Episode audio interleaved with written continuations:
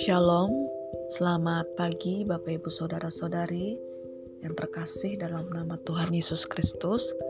Puji nama Tuhan, kita mengucap syukur kepada Tuhan pada pagi hari ini, di mana kita kembali diberkati dengan hari yang baru.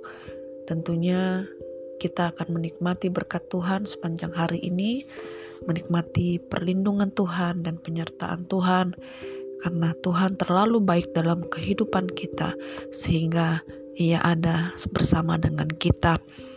Bapak Ibu Saudara, pada hari ini kita kembali mendengarkan renungan untuk memulai hari ini dan sebelumnya kita akan bersatu di dalam doa. Bapak yang baik, terima kasih Tuhan. Kami mengucap syukur buat berkat-Mu yang tiada pernah berkesudahan dalam kehidupan kami. Kasih-Mu terus kami rasakan dalam kehidupan kami. Kiranya Engkau Allah yang akan terus menolong kami, menuntun kami Tuhan, sehingga kami terus berpegang kepada Engkau dan iman kami semakin dikuatkan dan kami akan semakin bertumbuh di dalam Engkau. Tuhan saat ini kami akan mendengarkan firman-Mu, kiranya Engkau Allah yang memberkati kami, menolong kami, sehingga firman-Mu ini kembali menguatkan kami dan nama Tuhan dipermuliakan. Berfirmanlah ya Tuhan, kami siap mendengarkan. Dalam nama Tuhan Yesus kami berdoa dan mengucap syukur. Haleluya. Amin. Bapak Ibu Saudara, pada hari ini kita tiba di dalam kitab Mazmur, pasalnya yang ke-88 dari ayat pertama sampai ayatnya yang ke-18 Bapak Ibu Saudara. Dan kita akan melihat dari ayatnya yang pertama ini dengan judul doa pada waktu sakit payah. Nah, Bapak Ibu, dari ayatnya yang pertama, nyanyian Mazmur Bani Kora untuk pemimpin biduan menurut lagu Mahalat Leanot, nyanyian pengajaran Heman orang Esarahi. Ya Tuhan, Allah yang menyelamatkan aku.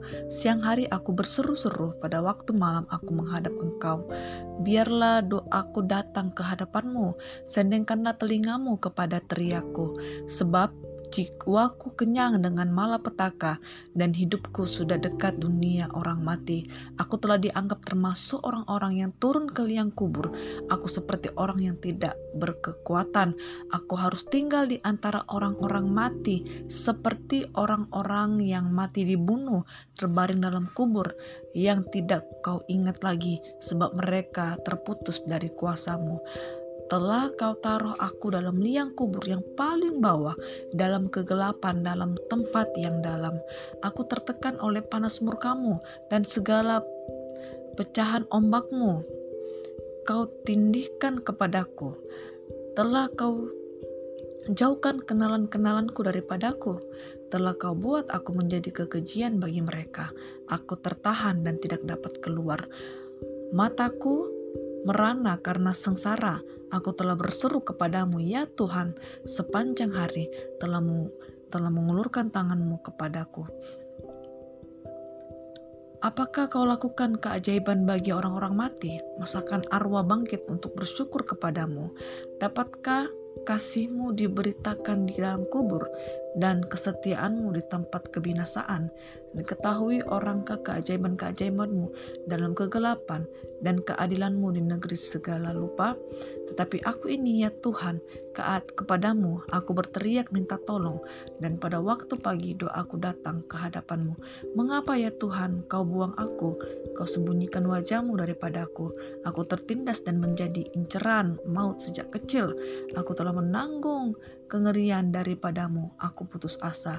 Kehangatan murkamu menimpa aku, kedahsyatanmu membungkamkan aku, mengelilingi aku seperti air banjir sepanjang hari, mengepung aku serentak. Kau telah kau jauhkan daripada aku sahabat dan teman, kenalan-kenalanku adalah kegelapan. Nah, Bapak Ibu Saudara, pada hari ini ya barusan kita telah membaca dan menyaksikan bagaimana uh, penjelasan dari kitab Mazmur di pasalnya yang ke-88 ini Bapak Ibu dengan judul doa pada waktu sakit payah.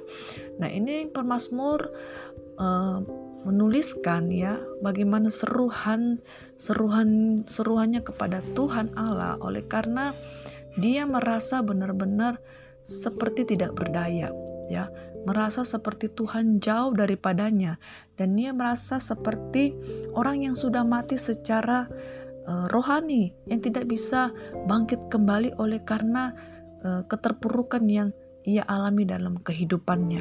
Nah, Bapak Ibu Saudara, kita sudah membaca dan kita mendengarkan dari ayat ini ya.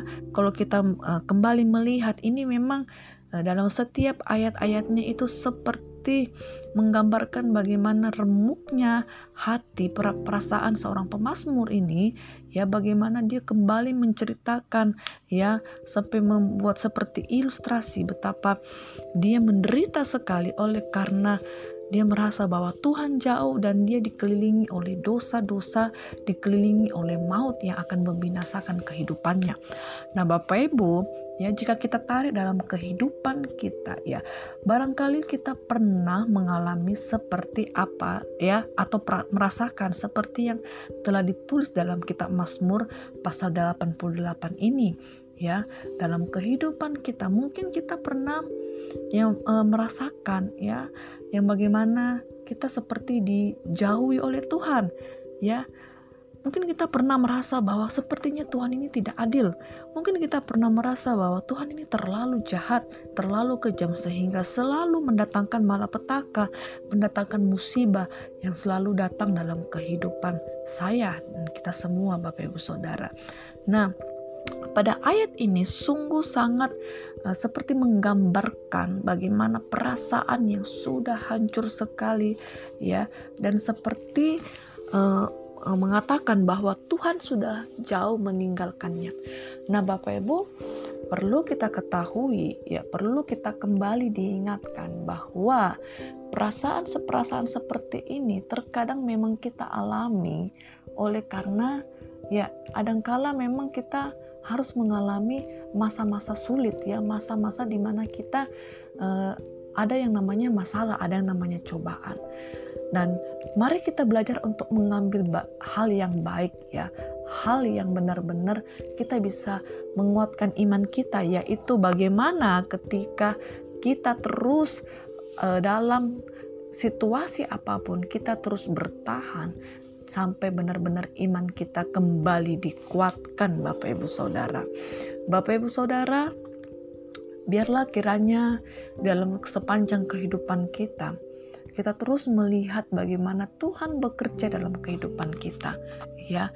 Memang kadang-kalanya kita akan menikmati berkat Tuhan yang luar biasa tetapi ada kalanya kita juga akan melewati masa-masa sulit ya. Ada se ada sebuah lagu yang mengatakan musim akan selalu berganti. Memang benar Bapak Ibu dalam kehidupan kita pasti ada kalanya saja hal-hal yang terjadi dalam kehidupan kita. Namun satu hal yang perlu kita ketahui Bapak Ibu bahwa Tuhan tidak sejahat atau sekejam yang kita pikirkan Tuhan tidak pernah membiarkan kita jatuh di dalam dosa, bahkan jatuh di dalam masalah yang sangat besar. Tuhan tidak pernah membiarkan kita. Tuhan tidak membalas setiap apa yang sudah kita lakukan ya uh, kepada Tuhan, tetapi kasih Tuhan selalu menyertai kita. Dan yang seperti saya tadi, tadi katakan, ambil baiknya Bapak Ibu, ambil baiknya bahwa di balik semua ini Tuhan punya rencana Bapak Ibu. Amin.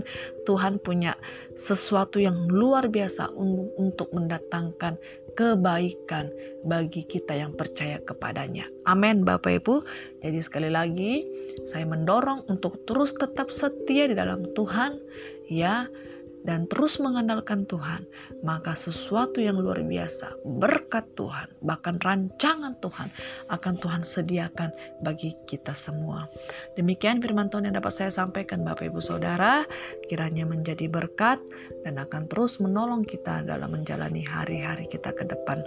Tuhan Yesus memberkati. Shalom.